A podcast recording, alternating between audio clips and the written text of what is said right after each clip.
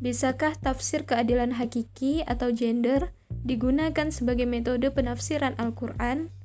Para penggiat gender terus berjuang. Mereka menilai tafsir Al-Quran ulama salaf saleh itu tidak adil gender dan memihak laki-laki. Oleh karenanya, mereka nilai bias gender dan perlu ditafsirkan ulang. Berbagai metode reinterpretasi Al-Quran dan hadis mereka kembangkan. Salah satunya adalah tafsir keadilan hakiki, yaitu tafsir perspektif pengalaman perempuan sebagai standar kemaslahatan dalam Islam. Tafsir ini menjadikan pengalaman perempuan, maslahat hukum bagi perempuan, dan keadilan gender sebagai pijakan untuk menafsirkan Al-Quran dan hadis.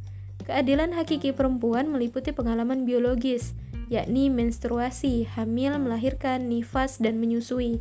Juga pengalaman sosial yang pahit, misal diskriminasi, stigmatisasi, dan KDRT. Hal ini dipandang tidak mendatangkan kenikmatan atau kemaslahatan bagi wanita, tetapi menyakitkan.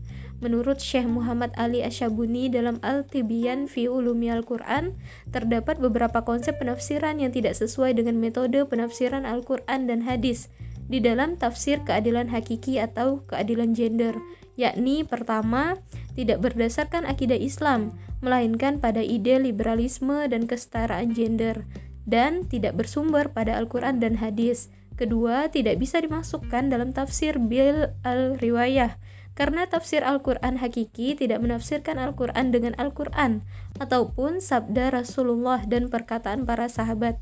Misalnya, menetapkan maslahat poligami. Tafsir keadilan hakiki menetapkan maslahat hukum poligami bagi perempuan sesuai dengan akal, yaitu menyakitkan, bukan bersumber dari Al-Quran dan hadis. Padahal maslahat suatu hukum atau dalam bahasa usul fikih dikenal dengan makosid syariah, tujuan hukum syara' adalah maslahat berdasarkan Al-Quran dan hadis, bukan pada akal, sesuai selera atau hawa nafsu manusia. Dan bukan pula adanya syariat dicari makosyidnya terlebih dahulu. Selanjutnya menetapkan hukum berdasarkan makosyid tersebut.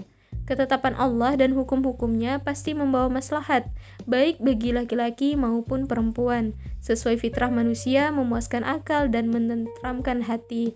Terdapat ancaman keras bagi orang-orang yang menafsirkan Al-Quran berdasarkan pendapat atau akalnya, atau tidak disertai ilmu. Barang siapa berbicara tentang Al-Quran tanpa disertai ilmu, maka hendaklah bersiap-siap mengambil tempat duduknya dari api neraka.